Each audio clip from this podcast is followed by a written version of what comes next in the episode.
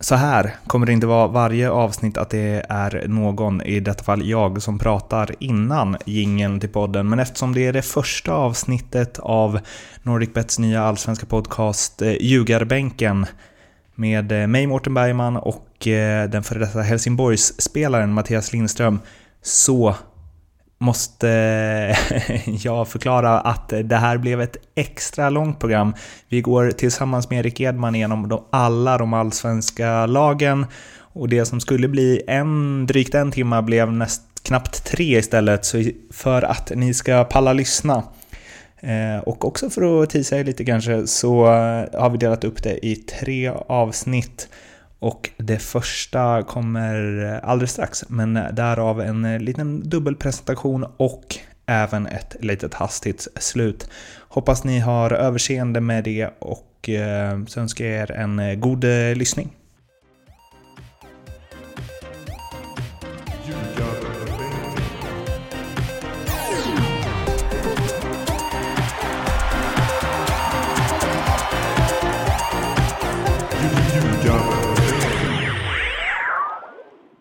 Hejsan allesammans och välkomna till den här premiärpodden av eh, Ljugarbänken, en eh, podcast från NordicBet som görs av mig, Mårten Bergman, till eh, vardagsjournalist på fotbolldirekt.se och Mattias Lindström, till vardags så nära en allsvensk fotbollsspelare man kan bli på liksom det sena sidan om, eh, av strecket.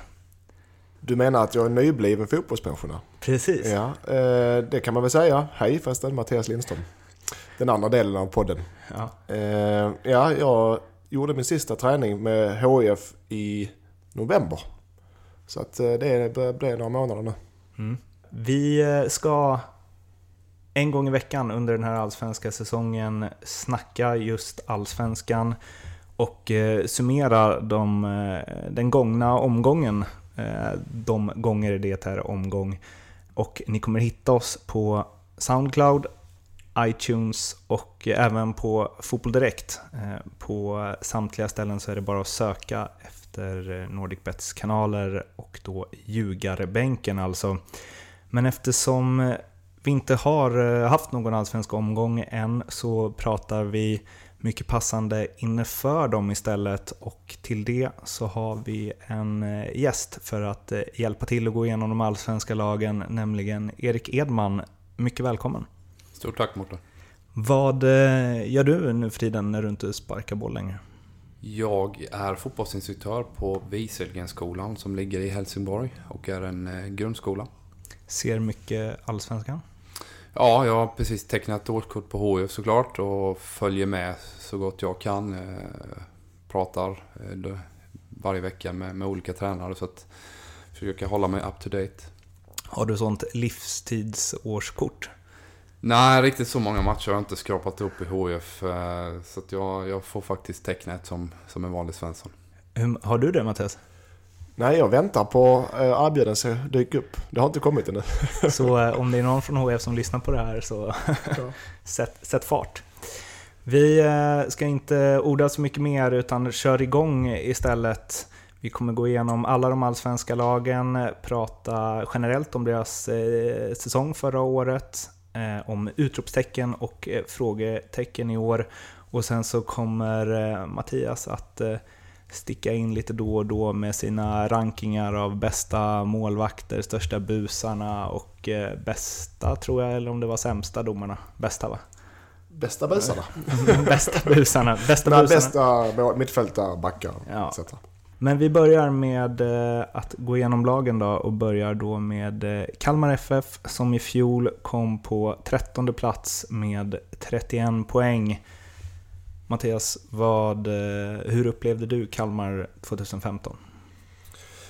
Eh, de var, Kalmar var Kalmar ungefär. Eh, väldigt stabila. Men, men inte tillräckligt bra för att hänga med över halvan. Petter Svärd är ju en tränare som vill ha ett tajt lag och vill jobba stenhårt med 4-4-2. Och det, och det speglar sig verkligen i Kalmars matcher förra året. Har, eh, behövde, behöver eh, mer, eh, eh, eh mer chansspelare. Eh, de behöver få ihop eh, sin offensiva spel mycket bättre. För defensiven sitter. Eh, det är inga problem. Ehm, så att jag, jag personligen tror Kalmar blir en stor överraskning. Jag, jag tycker Kalmar är bra. Och framförallt om de får ihop sina, sina bröder och sina chansspelare så blir de, blir de riktigt bra. Vad var det som inte funkade förra året? Eh, en känsla från min, från min sida är väl att man har tappat lite den här identiteten man hade med, med Rydström och det gänget då. Och, och, och de här åren som har följt efter har ju gjort att eh, ja, man har fått, fått jobba lite i motvind. Man vet inte riktigt vad är vi? Vad är vi för någonting? Innan var man tråkiga Kalmar och, och det var jobbigt att komma till Föreningskrans. Nu är det lite roligare att komma till Guldfågeln det har varit lite av en, en hopkok på spelarfronten också tycker jag. Det har inte riktigt funnits någon, någon riktig själ i det tycker jag personligen. Eh, det ska bli väldigt spännande att se Rasmus här nu då. Om han kan få vara hel och frisk och, och jobba på så att säga. Så tror jag det blir nyckel för dem. De hade ju förra, förra säsongen, var väl då de låg tvåa efter eh, våren och sen brakade ihop fullständigt. Eh, då med eh, Hasse Eklund som tränare. Och sen dess har de inte riktigt fått ordning på det känns det som. Fast det är i princip samma lag som de har haft. Ja, nej, det, det är ju det är, det är ofta svårt att, att, ge ett konkret svar på det där. Varför, varför rasar man ihop och sådär. Men, men återigen, de senaste åren tycker jag inte riktigt att det har funnits den här själen i det. Liksom. Och man kan säkert... Eh, ja, det är lätt att peka på Rydström kanske då som en, eh, en sammanlänkande Eh, grej eller enhet eller vad man ska säga. Den, har, den personen har inte funnits. Jag det ska bli spännande att se om Rasmus, kanske inte med sina ledaregenskaper rent eh, ja, retoriskt, men, men framförallt spelmässigt, om han kan, kan vara den här personen som kan riva med sig de andra med sin klass. Rydström eh, tjatade ju ofta om att han inte tyckte att han fick tillräcklig cred som fotbollsspelare. Saknas han, och jag tänker på liksom Vasto, Tobias Karlsson och så vidare, saknas de mer som en del av truppen än som en del av startelvan? Jag tror eh, som en del av startelvan. För att har du sådana spelare som, eh, som Vasto och Rydström och Eriksson så, som varje träning året om går in och kämpar och smäller och, och, och verkligen visar var skåpet ska stå. Så drar du med de unga spelarna, du drar med alla eh, nya spelare eh, du drar med alla talanger i samma mönster. Och det är det som jag tror Erik menar lite att det är inte bara matcherna. Utan det börjar igen den första januari och slutar den sista december. Det, det, det, det är väldigt, väldigt viktigt. Utropstecknet jag tagit ut på Kalmar. Marcus eh, Antonsson tror han gjorde, här skulle ju jag som professionell journalist kollat upp, men 12 baljor i fjol i ett Kalmar som inte alls presterade Visserligen var det väl fyra straffar eller något sånt, men ändå. Med en eventuellt frisk Rasmus Elm bakom sig och eh, Ismael som också är bra på att leverera bollar. Vad kan eh, Antonsson göra i år? Jag tycker han är väldigt spännande, Marcus. Han gjorde ju en bra sista säsong även i, i Halmstad där va, som hade det lite halvjobbigt kanske. Men, men Marcus levererar ju verkligen och han är ju fortfarande ganska ung och utvecklingsbar. Och ett fint löpsteg, äh, löpsteg och, och äh, ligger där och hugger. Va? Jag tror, tror det känns väldigt spännande. 15 baljor är ingen omöjligt, absolut inte. Han sa ju som anledning på upptaktsträffen, ehm, så när jag intervjuade honom så frågade jag hur han eh, Ja men liksom var det här kom ifrån, alla målen. Och då sa han det är bara att jag inte fått spela tidigare. är han så bra eller kan det vara en one-hit också? Liksom? Nej, jag håller med Erik. Jag tycker han är duktig. Men fortfarande ung och väldigt ojämn. Så att eh, han kan smälla dit några baljor men han behöver nog eh, mer tid på sig för att bli en etablerad målskytt i Allsvenskan. Mm. Eh, det känns som att eh, han kan smälla in 7-8 mål på första 10 matcherna. Sen kanske det kan gå 10 matcher utan. Så att han är målskytt men han behöver eh, rutin som målskytt också. Frågetecknet förstås, älmarna. David har eh, någon eh, timeout, halv timeout på grund av eh, hjärnskakningar. Viktor har varit skadad och det surras om att de ska testa honom på mittbacken. Medan Rasmus gjort fem eller sex raka 90 minuter och efter stora, stora problem med mm, magen så verkar han vara på G tillbaka. Peter Svärd sa på upptaktsträffen att eh, fortsätter Rasmus så här så kan han absolut bli landslagsmässig igen. De här tre brorsorna eh, som eh, skapade förväntningar när de eh, vände hem en efter en. Ingen levererade väl riktigt i fjol. Hur ser ni på möjligheterna att de gör det i år?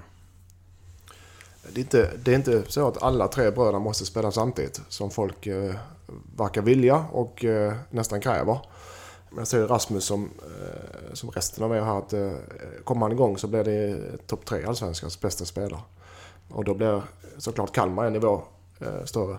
Men eh, sen är det inte lätt att komma tillbaka efter allt som eh, utlandsflytt och sjukdom och allt vad det tar lite tid. Eh, det är därför eh, antagligen inte de kom igång riktigt förra året. Men jag, jag, precis som alla andra, har jättehöga krav på Rasmus framförallt. En frisk Rasmus Elm kan nog vara skillnad mellan en fjärde plats och en sjunde, åttonde plats. Helt säkert. Erik, du hade hört lite där om hur han ser ut. Ja, nej men det, det är väl eh, som, som Mattias är inne på också där. Va? Man, man, de jag har pratat med i Kalmar också säger ju att han är eh, minst en klass bättre än alla andra. Eh, med den här spelförståelsen han besitter och eh, orienteringsförmågan på planen och, och, snabbt kunna leverera passningar. Han och jag, jag är väldigt förtjust även i den här brassen Ismael som jag har sett en del mycket bra fotbollsspelare. De två tillsammans tror jag kan bli ett riktigt spännande inom mittfältspar. Eh, Viktor eh, är också förtjust i med hans size och hans genombrottskraft kan man säga. Att kunna komma in i, i, i en ja, avslutningsfas in i boxen, kunna göra en hel del mål på huvudet och bana väg och även kanske hjälpa Max Antonsson. Eh, David tycker jag har haft eh, ett par tyngre säsonger om jag ska vara ärlig. Och ofta när han har spelat så har Kalmar blivit ganska lättlästa med en längre boll, ett längre uppspel och, och för en motståndare ganska förutsägbart eh, spel att, att hantera.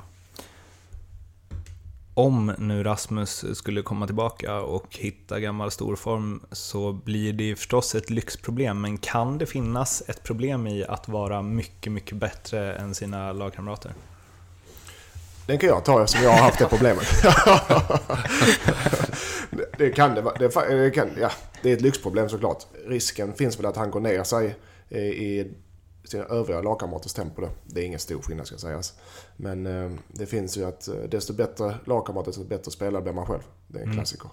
Så att visst, med, det är som att Erik hade gått ner i division 4, division 5 och spelat så hade det nog inte tagit många månader innan han hade varit nere i deras tempo kanske. Mm. En, en, en, eh, liknande jämförelse kan man göra.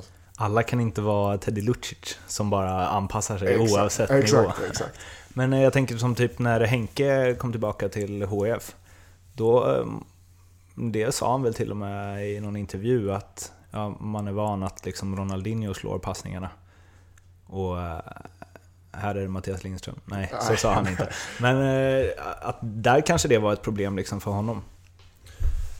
Eller för laget. Blev, ja, nej, jag tycker inte om att göra det till ett problem.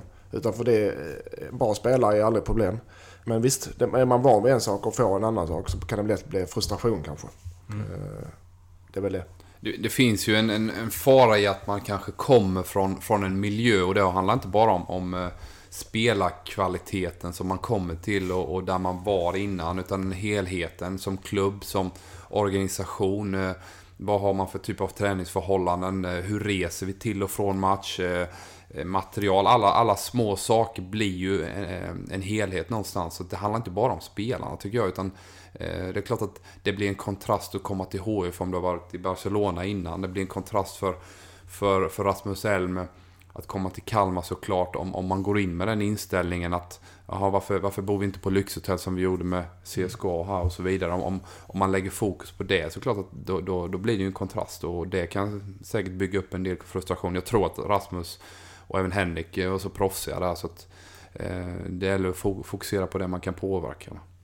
Jag skulle vilja stanna lite vid Viktor också. Jag hade väldigt höga förväntningar på honom när han vände hem. Och det kanske var med eh, bilden av hur han var senast han spelade i Allsvenskan. Han gjorde ju gjorde han 17 mål som innermittfältare och var liksom grym i huvudspel och närkampsspel och väldigt så allround box-to-box-spelare.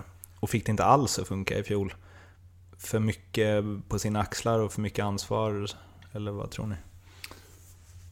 Ja, absolut. Det är klart att han kommer hem med förväntningar eh, på sig och, han ställer säkert höga krav på sig själv också. Så klart att det, är tufft att leva upp till. Men man får kanske också väga in, okej okay, vad var Kalmar när jag lämnade? Vad är Kalmar idag när jag kommer hem? Eh, och det är ju två vitt skilda saker skulle jag säga. Om, om vi då tar Kalmar när de var som bäst med, med Rydström som vi hade uppe innan eh, så, så var det en maskin som någonstans malde på och, och var framgångsrik. Och där in igenom kryddades med, med, med Viktors genombrottskraft och de här bitarna. Där är man ju inte riktigt idag. Nästa lag, BK Häcken. Vad eh, säger ni om deras fjolår? Ja, eh, Häcken är ju alltid eh, en en favorit bland folk och kommer högt upp i Allsvenskan. Som, på grund av deras sätt att spela fotboll. Absolut. Offensiva, frejdiga, härliga eh, spel med självförtroende. Och förra året var ju en besvikelse eh, i de flestas ögon. Eh, men ändå ganska väntat eh, med tanke på deras spel eh, pendlar i prestation. Eh, jag ser dem som är starka i år såklart men eh, där är fortfarande en dimension eh, i spelet som måste till om de ska slå sig in i den absoluta toppen. Mötte ni dem på Ullevi eller? Vi, eh, nej, vi fick den eh, premiären på Bravida Arena. Det blev torsk eller? Det förlorade med 2-1. Och massa snygga mål? Ja, det eller, kunde ja, slutat massa. fem lika i den matchen. Ja. Eh, nej, de var rättvist. Inte så jag menar. Det är ja. bra fotbollslag fortfarande, men alldeles för ojämna i sin prestation. För där tror jag inte att de har förlorat än. Nej och, det, nej, och det kanske är det som är vändningen för dem, att de har ett eget, en egen borg så att säga. De har ju haft Hisingen men det har inte varit någon riktigt härlig fotbollsmiljö eh, för det, för det lirarlaget. Mm. Sen så jag, jag har sett en del på den nu vidare i, i kuppen och allting. Jag har sett en del i år eh, och det, jag måste, det ser mer stabilt ut eh, defensivt än vad de har gjort innan. Mm. Har jag sagt om, för dem. Men det ser, de, är, de är lite tajtare faktiskt. Sen, sen kan det ju vara en styrka för dem att spela hemma på Bravida nu liksom. Där, där, man, där man känner allting och man har sitt omklädningsrum och allting. Det där skänker någon form av trygghet också. Om du ska växla arena och, och sådär hela tiden så, så kan man bli lite osäker. Jag tror att eh, konstgräset också kan mm. gynna deras sätt att spela. Eh, jag är också inne på det här med Häcken, att jag tycker de är skitcoola på, på, på sitt sätt att spela och göra som driver det stenhårt med sitt offensiva spel. Eh, som Mattias också, där, det defensiva har ju varit ett stort frågetecken. Man pendlar ju väldigt mycket prestation. Det som är styrkan är ju samtidigt deras svaghet när man tappar boll. Och att man, man går högt med ytterbackar. Eh, rullar på tre där bak och, och, trycker fram folk på, på ett eh, häftigt sätt som är svårt att försvara sig mot. Men kan man då vinna boll och ligga tight och kunna hålla dem stången första 20-25 minuterna så, så får man ofta de här kontringslägena mot dem. Och där har de inte lyckats eh, parera. Känns som. Och just det här att kunna gräva fram grisresultat har ju varit ett stort problem för dem.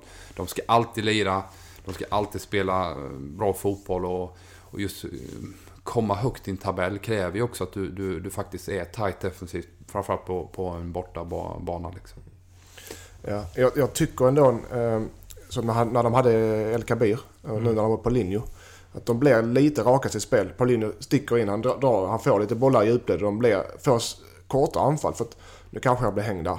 Men det är inte alltid positivt att ha bollen och köra runt på motståndarens planhalva. Mm. Det, är så, eh, det är så som många vill möta Häcken. För då, som Erik sa, då blir det omställningsläge. Spelar de lite mer direkt, får lite mer djupledsspel bakom med Paulinho. Mm. Eh, så blir de, jag tror de, deras, deras försvarsspel hänger ihop bättre. För de hinner inte komma upp alla sina gubbar. Och det kan nog gynna Häcken faktiskt, om man ska vara ärlig.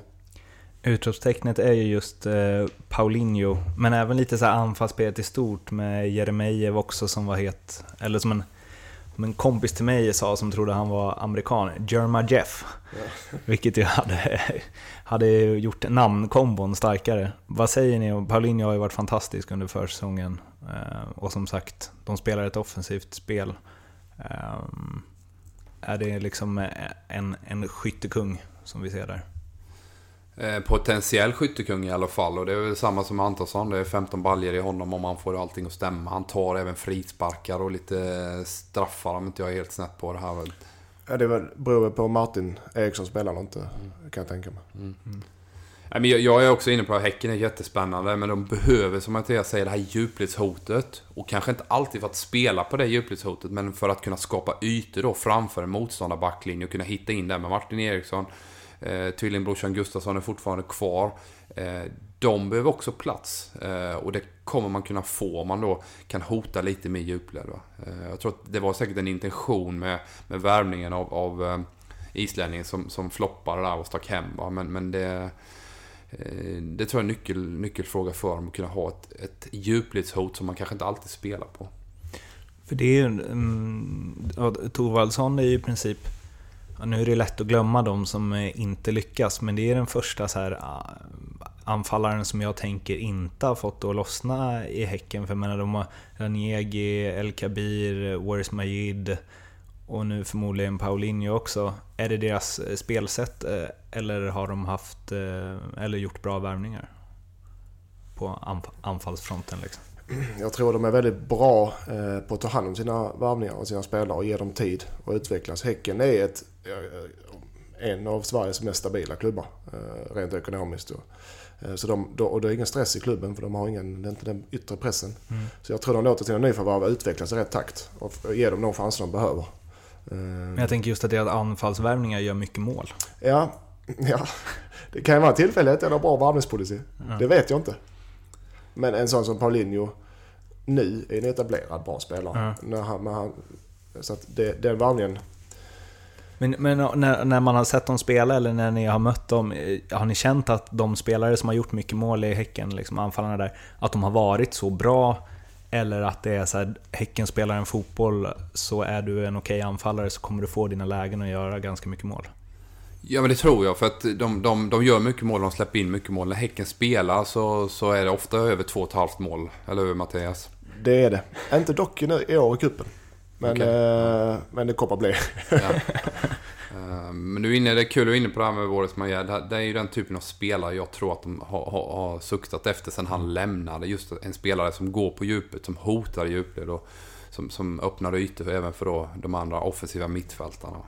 Um, tycker det är ändå kul också Häcken har tagit jättestora steg. Om man tittar i ett perspektiv på 10-15 år. Mm. När jag och Mattias började spela Allsvenskan så var Häcken ett eh, skitlag. Idag är det en etablerad klubb som, som faktiskt kan attrahera ganska bra spelare. Va? Sen så kan jag förstå att de nu då som håller på Häcken och, och media känner att de senaste åren har man stått och stampat lite. Men, men ser man i ett, ett längre perspektiv just att skapa en tradition kring det här att kunna vinna saker så har man tagit stora kliv. De har, ehm, om vi, om vi skruvar över till frågetecknet, de har bra spelare, ett eh, frejdigt spel näst mest pengar, tror jag, efter Malmö av alla allsvenska klubbar. Men det man pekade mycket på när de låg med i toppen här för några år sedan, eh, då de var med i guldstriden nästan hela vägen in, var att det finns ingen vinnartradition, ehm, det finns inget guld i väggarna och så. Är det bara något som eh, vi i media snackar om, eller finns det liksom en känsla av, eh, av att vinna i vissa klubbar och i vissa inte. Eh, jag tror du är helt inne på, på någonting som är väldigt, väldigt viktigt. Det handlar om att skapa en kultur. Va? Är, man tittar Malmö, hur många stjärnor har de på bröstet? Eh, hur många har Häcken? Liksom. Det är klart att det är en jätteviktig faktor för att, för att fortsätta vinna. Liksom. Eh, så, så att en, en kupptitel för dem är ju ovärderlig skulle jag säga. Om de kan vinna kuppen här nu så, så skapar de en form av, av vinnarkultur och kan börja bygga ett, ett, ett varumärke som står för, för eh, framgång. Mm, jag håller med. En sån där eh, sån kultur tar ju tid att bygga upp. Ehm, eh, jag, jag tycker spelarna de har, eh, de bröderna Gustafsson, så bästa, det, det är vinnare. Det är tjurskalliga vinnare som verkligen vill vinna. Men sen har de inte, som jag sa innan, de har inte det där yttre trycket från supportrar och mm. media. Media gullar så mycket med Häcken. Det är ju så. Eh, och vinna. Så då, som spelare får du inte samma tryck då heller. Vissa behöver den här verkligen piskan och morötter för att kunna komma fram i, i, eh, längre upp i tabellen. Och jag tror Häcken har nog mått bra av att få lite tryck på sig. För spelarna, många av spelarna klarar nog av trycket. Det är bara att ni i media ska ge lite mer press på dem. Men om man ser till eh, ja, men som Norrköping som vann i fjol, som har eh, en lång eh, tradition av att vinna eh, tillbaka i tiden. Samma sak som ja, Tottenham, som du har spelat i. Liksom. Hur går sånt ur om man inte vinner på tillräckligt länge också? Det är väl som, som med allting eh, kring det här med press. Va? Press och, och, och yttre förväntningar som, som kommer från fans och, och omgivningen Eh, är ju ofta något positivt så länge det går bra. Va? Men, men eh, precis som Malmö, om inte de eh, fortsätter att vinna nu så blir det en belastning istället. Va? Och det, det är klart som, som Mattias säger, i, i medgång så kanske man känner att då Häcken hade, hade mått bra av och haft lite tryck på sig. Eh, Okej, okay, vi vann med förra matchen men vi ska fan vinna nästa också och nästa igen. Va? Att, att, att man på något sätt inte blir tillfredsställd efter en vinst. Va? Och det, det, är ju någonstans en positiv press som, som finns i de här stora klubbarna. Ehm, Ibland, som jag sa, det, det, kan, vara, kan vara nyttigt att, att ligga under radarn lite men, men, eh, över tid så är det ju alltid bra med press för den någonstans får dig mer fokuserad. Eh, får dig att prestera så nära max du bara kan tror jag. Nästa lag, Jönköping Södra, vann eh, Superettan i, i fjol i ganska överlägsen stil. Vad tyckte ni om dem 2015? Jag såg en del eh, och det är ju eh, framförallt hemma i Jönköping så har eh, så de ruskigt stabila ut för att vara ett superettanlag. Organisatoriskt och, och, som lag var det lite som Kalmar där kändes som. Ett, ett lag som har, verkar ha spelat tillsammans i, i tio år. Mm. För de kunde varandra in och utantill och det verkar nu har jag bara följt eh, Jönköping på avstånd. Eh, Edman har ni mer insight. Men det känns som att de har högt i tak där. Det var verkligen en för alla, alla för en. Och det, det kan väl bli deras räddning i Allsvenskan. För klart, de kan inte mäta sig med, eh, ekonomiskt och, och spelarmässigt med resten av Allsvenskan. Men att de är som ett lag och, och verkligen kämpar för varandra kan ju bli deras räddning.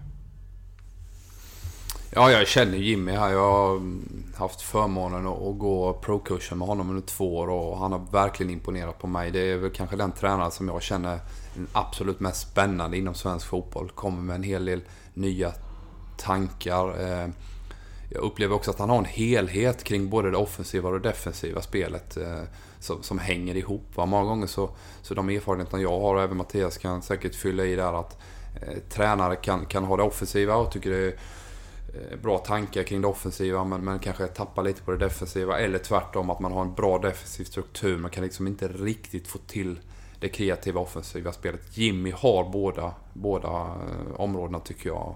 Och han är väl den eh, som, som, som kan rädda J Södra. Jag känner väl att rent truppmässigt så är det en, en svag besättning de har att arbeta med. Jag tror man 90 eh, allsvenska matcher tillsammans. Pavel Cibicki har flest med typ 37 eller något. Mm. Ja, och det är ju väldigt mycket inhopp där gissar på honom mm, också. Precis. Så det, det, jag undrar om Östersund, Östersund måste ha fler, bara genom att de värvade typ Atta. Mm. Eller? Ja. Mm. Um, men utropstecknet, ja du är inne på det, Jimmy Tillin. Mm, lite speciellt eh, sätt att bli liksom tillsatt på. Det var ju truppen själva som valde att de ville ha honom och han levererade direkt. Eh, era erfarenheter som eh, spelare, att trivas med sin tränare, hur viktigt är det för att leverera resultat? Ja, det, det, är, det finns ju... För det första, det är, det är fantastiskt att spelarna röstar fram tränaren och vill ha kvar Men det är alltid, alltid det är aldrig hela spelartruppen som är nöjd. Oftast är det spelar man inte så är man inte nöjd med tränaren. Men jag har en grundregel. Om du, om du inte spelar, du är petad helt enkelt, och du tycker tränaren är bra ändå, då är det oftast en bra tränare. Eh, jag kan inte säga det som negativt att de eh, spelartruppen vill ha kvar tränaren. Eh, men det är heller ingen katastrof om, om det är så att eh, tränaren inte är omtyckt bland spelarna. För det, nu för tiden är allsvenskan är så pass proffsiga och spelare är så pass proffsiga så de vet att det här är mitt jobb. Gör jag tränaren säger så spelar jag inte. Jag bara inte tycker om tränaren. Men eh, just i det här fallet som jag sa innan med Isöda så deras räddning, deras räddning är att eh, de spelar ihop som ett lag. Och då, då tror jag Thelin är den riktiga mannen för det. Jag tänker på en, eh, en grej som har varit en het potatis i Hockeysverige senaste tiden. Björn Hellkvist som tränar eh, Malmö Redhawks fick ju gå efter den här säsongen och ett par spelare gick ut och sågade honom vid fotknölarna för att han, de tyckte att han hade betett sig dåligt och skapat dålig stämning och så vidare. Och hans eh, resultat eh, när han har varit i Malmö är att eh, ena säsongen så tog han upp dem från Hockeyallsvenskan och eh, andra säsongen så höll han dem kvar i SHL trots att truppen kanske inte riktigt var så bra. just det här med att eh, jag tänker att det, spelare, det kommer alltid finnas spelare som gnäller. Liksom. Mm. Nej, men det, jag tycker också det där är ju lite så att eh, Säkert en grej från media och så att man, man, man ska ha bullkalas och sitta och mysa och gulla hela tiden. Det, det, är väl jättebra om man tycker om varandra. Det är ju klart, det är ju positivt för, för, för prestationen men det är ingen grundförutsättning för att vinna. Att vi har jättetrevligt tillsammans, det, det är absolut inte det.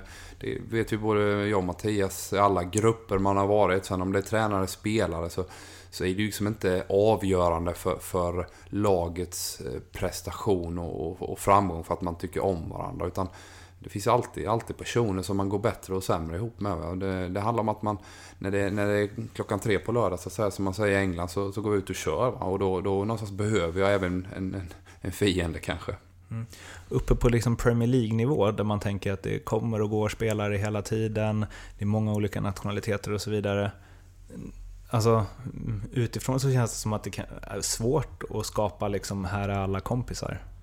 Ja, och alla är ju inte kompisar. Det, och det är man inte i Allsvenskan heller, eller Division 4 heller tror jag. Utan det handlar om att eh, man är lagkompisar i alla fall, va? Som, som behöver varandra när man mm. spelar.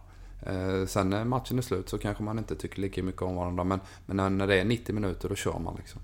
Har ni varit med om något specifikt exempel så eh, under spelarkarriärerna där ni spelat i lag där det liksom inte är bra stämning eller inget förtroende för tränaren och resultaten har bara rullat in ändå.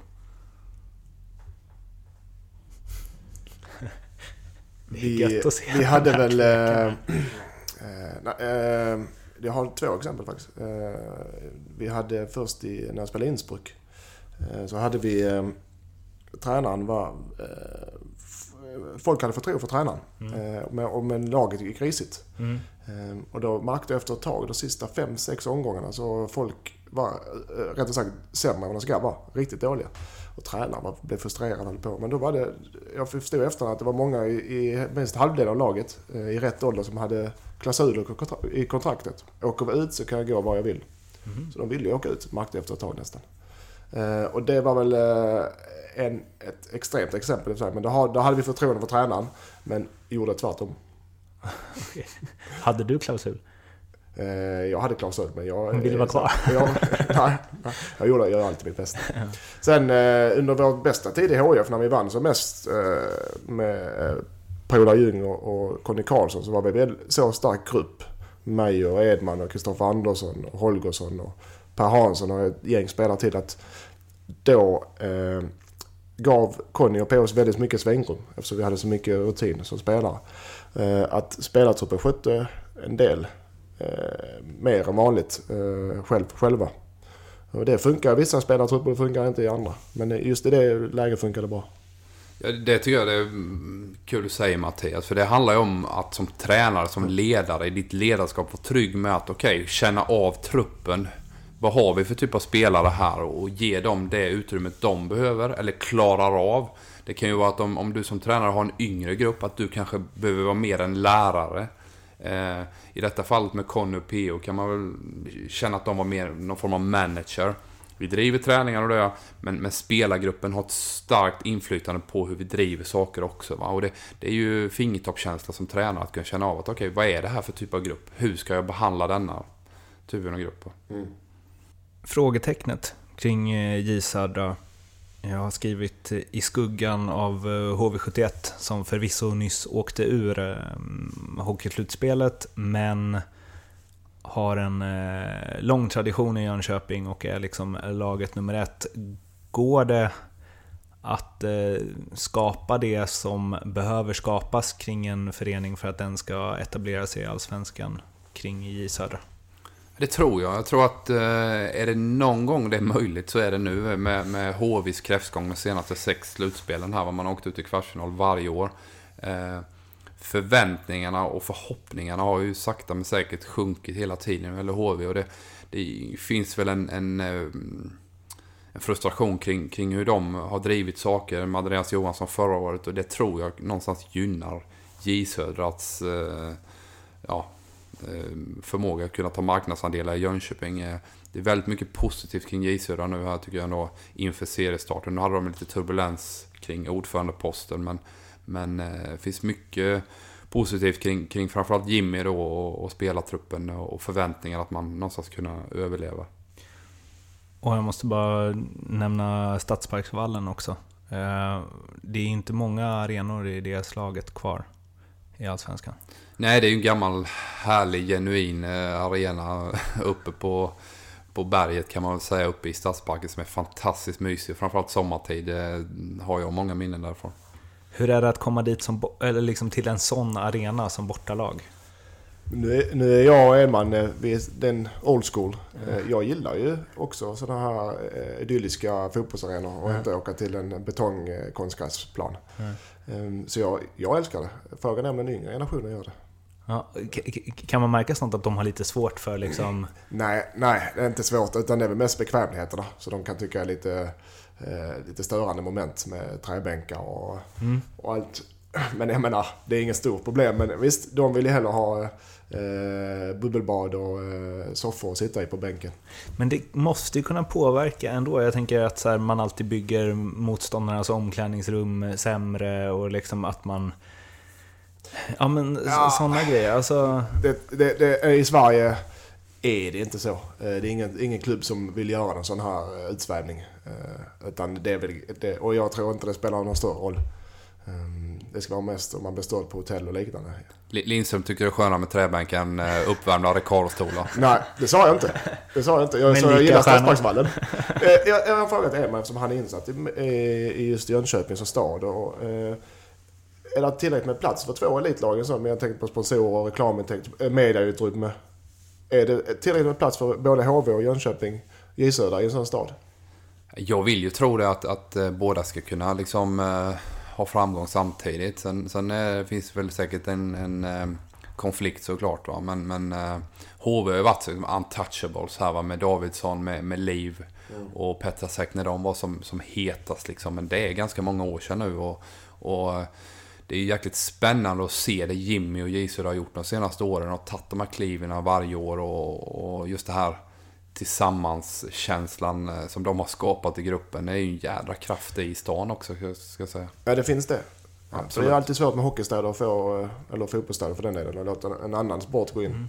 Men, ja. det, det, finns ju, man får kanske, man ska inte glömma heller att J har ju ett starkt namn. Även om det är 45-50 år tillbaka så är det ju en anrik klubba. Mm. Eh, och det finns ju fortfarande traditioner kvar. Sen är det ju, som du är inne på, det är tyvärr en hockeystad eh, fortfarande kanske. Det är en fotbollspodd det här.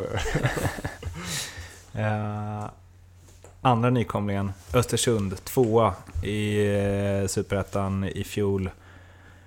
Mm, spännande lag tycker jag. Vad tycker ni?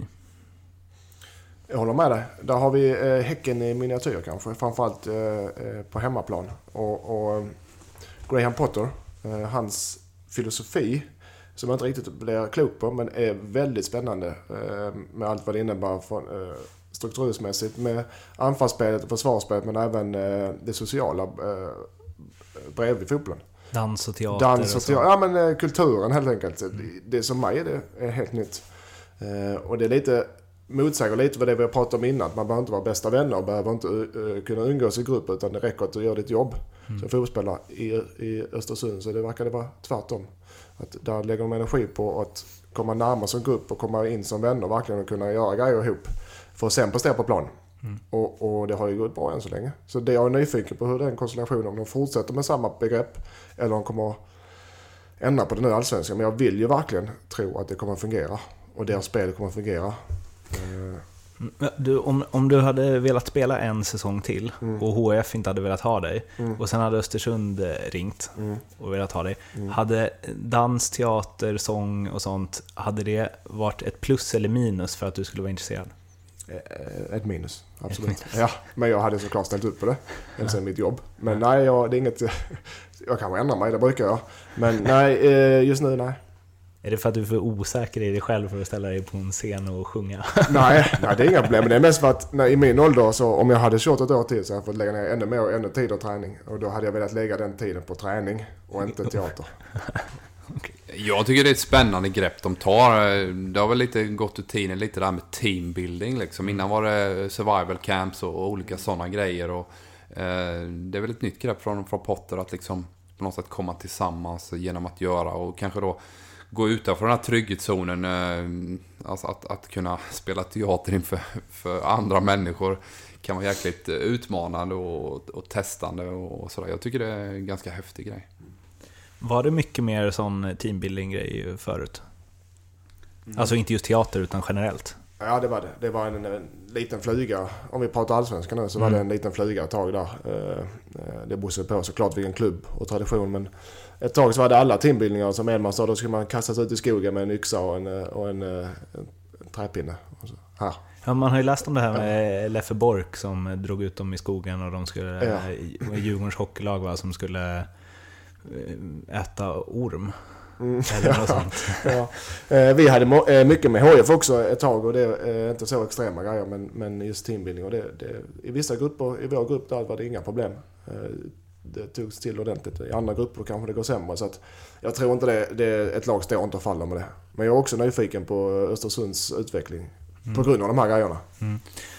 De har ju som, eh, ja, som utropstecken satt jag eh, dels det här med eh, sång och dans. Men också många olika nationaliteter. Jag tror de har 15 stycken och pratar 22 olika språk i alla fall förra året. Plus eller och minus med det. Jo, det är, väl, det är väl det som Graham Potter försöker göra till ett plus. Va? Att man på något sätt kan komma tillsammans. Att man hittar några gemensamma punkter där vi är i liknande situationer här, liksom hela gruppen. Eh, så att han försöker ju vända den här säkert kulturskillnader, språkbarriärer och göra något positivt av det. Och då har han tagit det greppet kanske med, med, med sång och dans och teater. Och jag tror att det kan säkert vara ett väl fungerande koncept för honom. Eh, vad skulle ni säga så, ja, lite förenklat förstås, men största plusset och största minuset med att ha många olika nationaliteter i en trupp? Största pluset måste ju vara att du får olika, olika dimensioner av ditt spel. Olika kvaliteter från olika verkstäder. Det, det låter hårt men så är det faktiskt. Du kommer från olika fotbollsbakgrund och, och ungdomsfotbollen. Eh, minuset är, kan ju vara såklart språket. Eh, och eh, kulturkrockarna som kan mycket väl inträffa. Framförallt om det börjar gå motigt. Nu har ju Östersund haft bra flyt och gick upp från Superettan. Men när det börjar ta emot, det är då det, är då, eh, det, är då det kulturkrockarna kan komma på riktigt. Så det är väl det med minuset. Det kanske inte blir ett minus, men det är väl det som är i riskzonen. Hur ofta har ni varit med om att liksom en spelare inte pratar, alltså inte förstår språket som pratas oavsett om det är engelska eller svenska eller? Det har alltid. Det är i alla mina år som fotbollsspelare, i alla lag. Så det är inget ovanligt. Hur, hur, hur gör man då? För så instruktioner och liksom och, och få in spelaren i gruppen och alltså... Ja, i ta Österrike när jag spelade där så var det alla var, eh, var tvungna att prata tyska i omklädningsrummet. Mm. Fast man inte kunde det. Eh, ingen engelska, ingen svenska då, om jag hade haft någon svensk. Eh, utan bara tyska för alla. Så alla lärde sig. Och eh, schemalagd skolgång för utlänningarna. Okay. Och det var väldigt nyttigt eh, efter ett tag. Så din tyska är liksom... Den, ja, den var. Okej. Okay. Yes. Yes. ja, das ist gut. Jawohl, jawohl. jawohl. yes. Påverkar Men det, det, är ett, det är ett alternativ. Jag vet inte hur Erik har gjort sina klubbar. Han har varit... Pratar ju alla språk i, som finns. Nej, men jag har väl... Eh, I de länderna jag har varit så har jag alltid försökt lära mig språket. För jag har ju känt att det är ju en, en, en mur som du behöver riva ner någonstans för att kunna kommunicera med någon annan. Liksom. Eh, mm.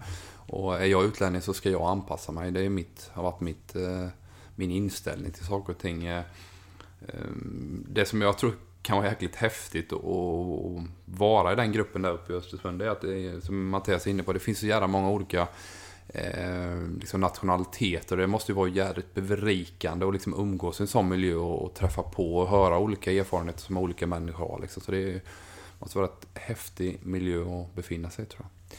Jag tänker Mattias, när du var i ehm, Österrike då och de pratade tyska och jag vet inte om Erik om du har varit men i någon klubb där tränaren inte pratar ett språk som du förstår så. Hur känner man sig som spelare när man, för jag tänker att man kan ju inte fatta instruktionerna. Nej, där det, och där är det mycket, den erfarenhet jag har, att mycket eget ansvar som spelare. Jag förstod ingenting, eller skoltyskan på genomgången, men jag fick ju fråga när jag hade tid på engelska. Eh, mina lagkamrater som pratade engelska. Eh, för att eh, det är ändå viktigast att göra som, försöka göra som tränaren säger. Mm. Och även så fungerar det, även om vi tar Helsingborg, eller Allsvenskan. Som, att om tränaren pratar svenska och ingen förstår så får de gå. Antingen så säger till tränaren att nu ser det till så David Ackan förstår min genomgång. Mm. Då får han gå, en spelare, har ansvar för det kanske. Så att tränarna, även om, fast de inte vill ändra sin, sitt språk, så ser de till så att spelarna förstår. Det är mm. väldigt viktigt.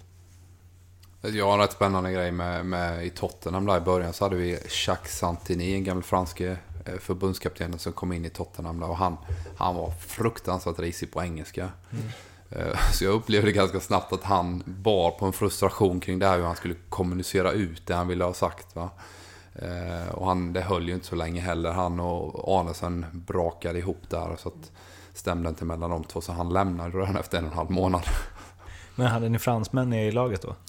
Vi hade Fredrik Canoté som är från Mali då, mm. men är uppvuxen i, i Frankrike som, som vid tidpunkten tolkade. Sen hade vi en en assistent som var helt okej okay på, på engelska också som han plockade med sig. Um, det här var efter Ginola, eller? Det var efter ja. David. Ja. Mm. David som vännerna säger. ja, precis.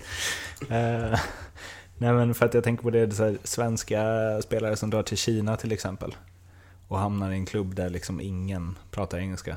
Det måste ju vara... Ja, jag vet inte, det måste ju vara kaos.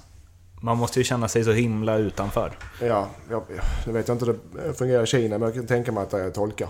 Mm. Eh, för att ta Svennis till exempel. Mm. Han pratar inte kinesiska. Mm. Det är nog eh, folk anställda som sköter kommunikationen, spelar, eh, tränar. Mm. Och så sker allting på engelska kan jag tänka mig. Mm. Kan man alltid vara säker på att tolken översätter så som Nej, du vill? Nej, det kan man inte vara. Så ifall ett lag, om Svennis lag går superbra så kan det också vara tolken som är en sjukt bra tränare. Tvärtom. Uh, vi ska uh, hoppa ifrån laggenomgången uh, lite och sen så ska du få lista. Mm. jag tänker att vi gör någon snygg jingel här sen när jag har tid. Lindströms lista eller något sånt där. Lindströms lista, Lindströms lista, Lindströms lista. Yeah. Ja, kör. Du får presentera dig själv och sen så säger vi vad du har gjort fel. Ja. Eh, jag tänkte att Lindströms lista, i premiäravsnittet kör vi eh, allsvenskan rakt upp och ner. Eh, men vi börjar med nerifrån och upp. Bästa målvakter, topp tre i Sverige i år, i allsvenskan. Och sen, jag vill gärna ha åsikter. Mm. Topp tre i allsvenska målvakter. Jag ska bara säga så att jag är väldigt kritisk när det gäller målvakter. Alltid varit det. Ingen anledning att vara det egentligen. För jag är inte målvaktstränare. Jag har ingen större erfarenhet av målvaktsspel. Men jag är väldigt kritisk till målvakter. Vadå att du bara tycker... Jag tycker de flesta målvakter är riktigt dåliga om jag nej, jag, nej, det ska jag säga. Jag är väldigt kritisk till målvakter. Jag tycker det finns få bra målvakter. I, liksom... I allmänt i fotbollsvärlden. Ja, okej. Okay. Men eh, de blir bättre med åren. Då måste jag fråga innan du kör din eh, lista. Vad är en bra målvakt i dina ögon? Eh, en bra målvakt är... Nu tar jag Neuer som exempel. Det är kanske är lite Tråkigt, men det är en bra målvakt. Eh, han styr laget bakifrån eh, på alla sätt och vis. Eh, modern eh, och en, mål, en målvakt gör få misstag. Det är det man vill. Man vill inte att en målvakt ska slänga sig och rädda bollen krysset. Få misstag. Sven Andersson eh, slängde sig väldigt sällan. Men tog bollarna av något, något slag. Han var väl sämre med fötterna ska sägas. Nummer tre. David Mitov Nilsson, IFK Norrköping samarbetet ihop med övriga backlinjen fungerar jättebra. En, inte så rutinerad målvakt, men han spelar med pondus. Jag tycker om honom. Fortfarande lite ojämn. Men eh, kommer att bli riktigt, riktigt bra. Plus nice med långt hår på målvakter. Eh, där eh, håller jag inte, för jag tror inte du får stöd från övriga poddmedlemmar. Är det för att det inte inger förtroende? Det är för att inte jag kan få långt hår. Nej, jag Men vadå, Paul Lundin eller? På, jag tyckte du Paul Lundin var bra målvakt? ja, det tyckte jag. Ja, det tyckte inte jag. Nummer två tar vi Patrik Karlgren, AIK. Eh, jag har inte tyckt han var speciellt bra innan. var väldigt tveksam till honom under EM. Eh, men jag trodde det var en one-hit wonder i EM. Men han är bra målvakt. Han växer för varje match tycker jag som står. Eh, fortfarande lite valpig men, men har också... Jag tror att kan AIK få ihop sitt övriga lag så kommer han också vara nyckeln till att de blir topplag. Jag tycker han är duktig. Är också modern målvakt. Mm. Nummer ett, Johan Wieland hade lite tufft i FCK ett tag men det var eh, alltid lätt att komma utanför ibland. Stabil, allsvenskans överlägset stabilaste målvakt. Lite ringrostig med fötterna men han blev mycket bättre på det. Så där har du topp tre i allsvenska målvakter 2016. Erik, har du något då? Nej, man kan ju säga att eh, som målvakt tror jag man behöver längre tid på sig att mogna. Det är en utsatt position. Eh, gör du ett misstag så blir du ganska hårt kritiserad. Och det är klart att, att, att som målvakt leverera på hög nivå utan att ha lirat 100 matcher, det är inte alldeles enkelt ska jag säga. Det, du har ju Isaksson som exempel där när han drar till Juventus när han är 18 och, och så vidare. Men det, det, det, är väl undantaget som bekräftar regeln. Man behöver erfarenhet. Mm. Men ing, du vill inte ändra något? Eller in och peta i den listan? Ni får gärna peta Jag, jag vill ju jag, det. Jag bara sitter här och studsar. Jag vill ha målvaktsdiskussioner. Ja, alltså Sture Ellegard. Gård. Eh, tycker jag är ett. Nej, det tycker jag inte. Eh, okay. trevlig, trevlig prick. Eh, men eh, okej okay, målvakt, men inte topp tre på Allsvenskan. Jag tänker så mycket som liksom Elfsborg. Alltså, han har ju inte världens lättaste jobb. Nej, och han får det ännu tuffare i år. Ja. Det är en bra målvakt. Ja. Jag vill säga han petar in på en bubbla då. Mm. Men du nöjd då? Mm. Ja, det... jag ty- nej, nej, ja. Det är du som är experten i och för sig. Men eh, nej, jag, gillar, jag gillar honom skarpt. Jag kan hålla med att det är en bra målvakt. Mm, och som Karlgren, eh, där måste jag fråga en grej också. Han är inte så stor. Tänker man på det som utespelare? Liksom? När man, alltså, spelar det någon roll? Aha, nu måste jag bryta igen här. För att det här med storlek på målvakter verkar vara eh, en stor eh, diskussionsfråga för många människor. Jag har upplevt det genom alla år i HF med Per Hansson. Mm. Han är för liten för att gå ut och plocka bollar och stå han, han är för det. Nej. Är du 1,80 så kan du vara topp 10 i världen målvakter utan tvekan. Du behöver inte vara två, över två meter för att vara en bra målvakt. Oftast så är det, eh, du når ribban ändå. Mm. Och oftast är det mer rörlig och bättre med fötterna, desto mindre det. Så jag vill nästan ha det tvärtom. Du behöver inte vara två meter för att vara en bra målvakt. Det är, det är ju faktum att, att är du längre så har du en större räckvidd. Så är det ju. Sen, ja. sen, sen är det ju säkert eh, olika traditioner eh, av hur man ska se ut Men som målvakt. Men hur många, mål, hur många räddningar gör när du ligger i krysset och limmar den där? Du nej, använder fötterna mer. Nej, använder, äh. men jag kan ju känna vid fasta situationer och så vidare. Så någonstans, är du 1,80 eller 1,90 så är det fördel att vara 1,90. Ja, men, många, men det är inte avgörande, absolut inte Mattias. Men, men, och sen vill jag säga att det finns ju olika typer av traditioner. England är man ju helt insnöade på att du måste vara minst 1,90 annars är du rökt. Va? Frankrike till exempel, även, även i Holland, så har, är man inte besatt av det här med size på samma sätt. Va? Utan där finns det ju mer mindre målvakter. Frankrike är väldigt många duktiga mindre målvakter. Som du säger är mer mobila. Eh, arbetar kanske längre ut, eh, bättre med fötterna och så vidare. Men vill, jag vill personligen inte att de ska ut och plocka hörnor, frispark etc.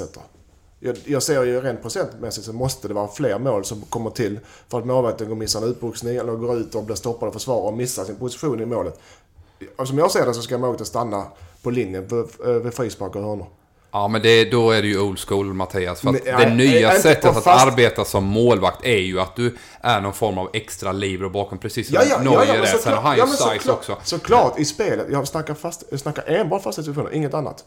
Det är väl en fantastisk egenskap Mattias att kunna gå ut och reda ut saker och ting som, som ett försvar behöver hjälp på. Kolla här Gemma. Om du har en frispark, en ytterstående frispark och du sätter din linje. Det är inte många gånger det blir mål på en sådan. Eller, eller på en hörna. Det är inte många hörnor som går mål. Utan denna målvakten går ut och ska boxa den och tappar sin position som försvarare. Kommer, en anfallare kommer emellan. Står han på linjen och det kommer en hörna. Så är det inte många gånger en, en, det blir mål alltså.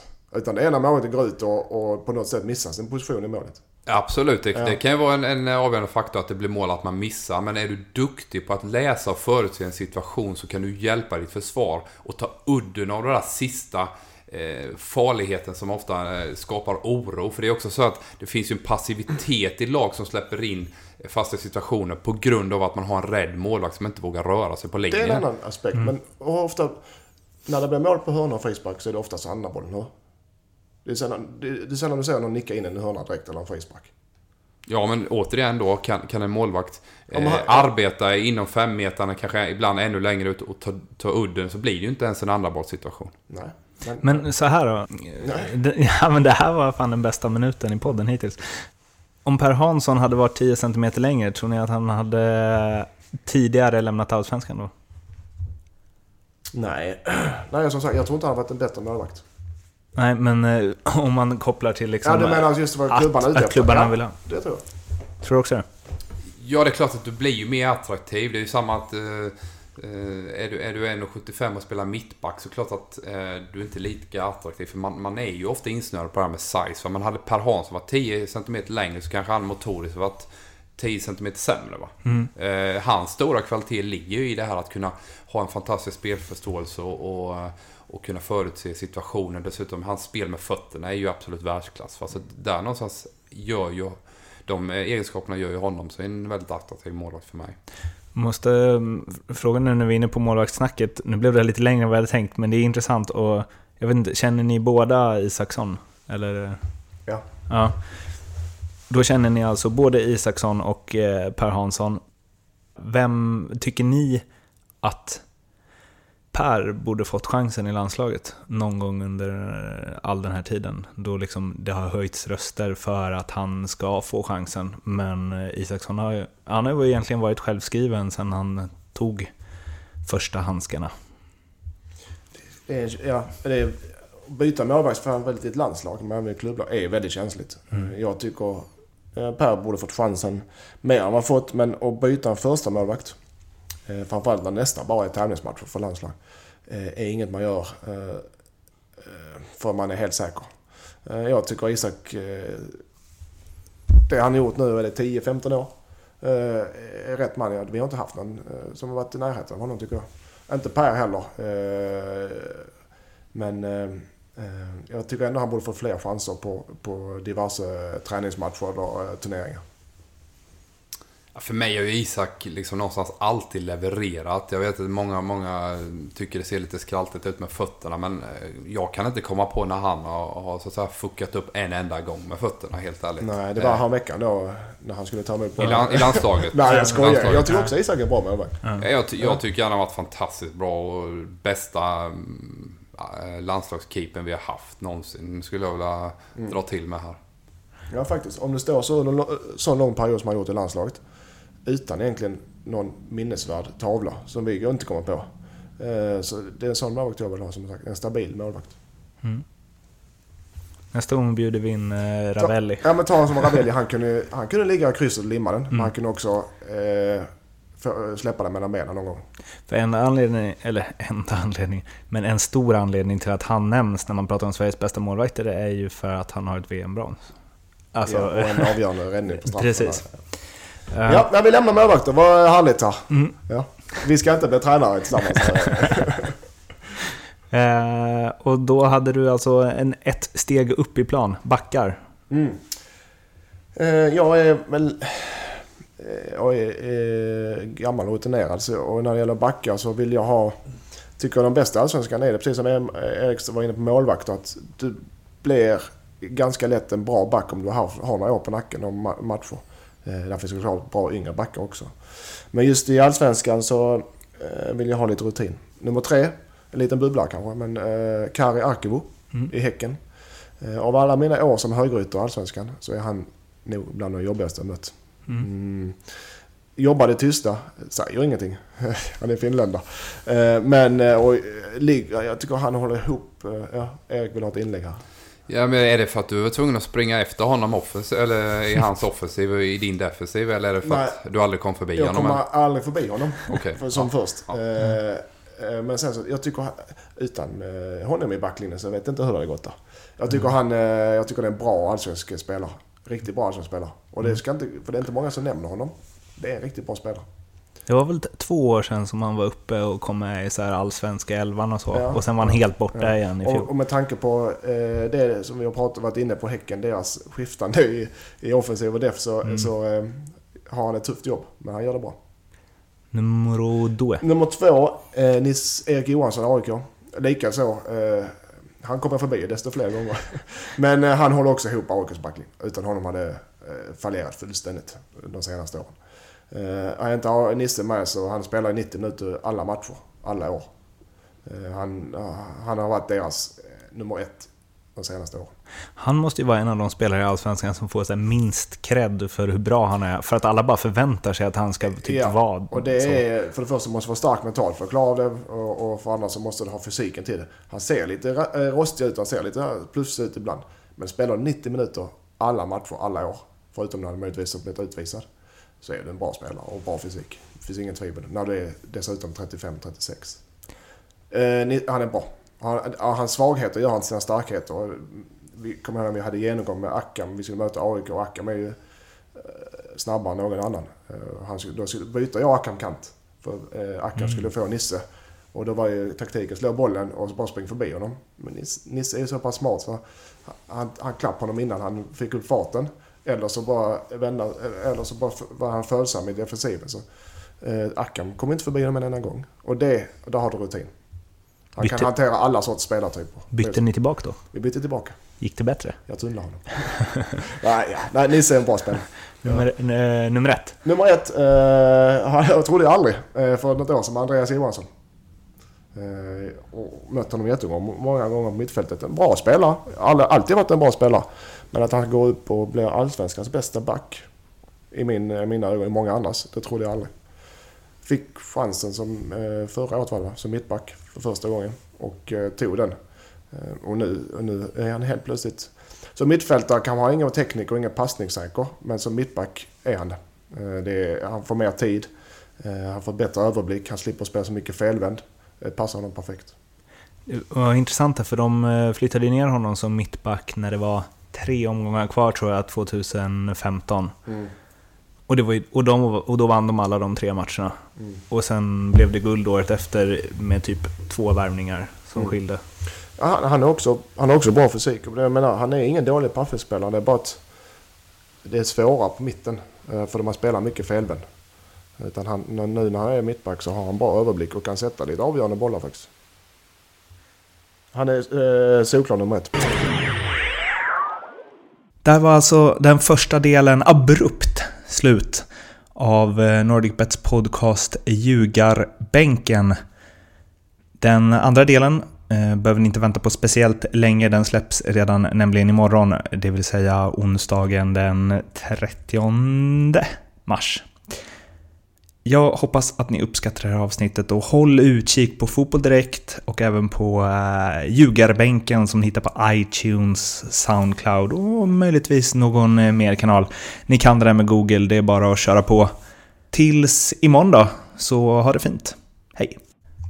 Uh, förresten ett litet snabbt instick. Vill rikta ett stort tack till min gode vän Adam som har varit så duktig att klippa ihop de här jinglarna. Det är alltså inte jag som ska ha cred för det, vilket jag mm, låt, man kan uppfatta det som att jag tog åt mig det tidigare i programmet. Så eh, tack Adam, du är bäst. Hej då igen.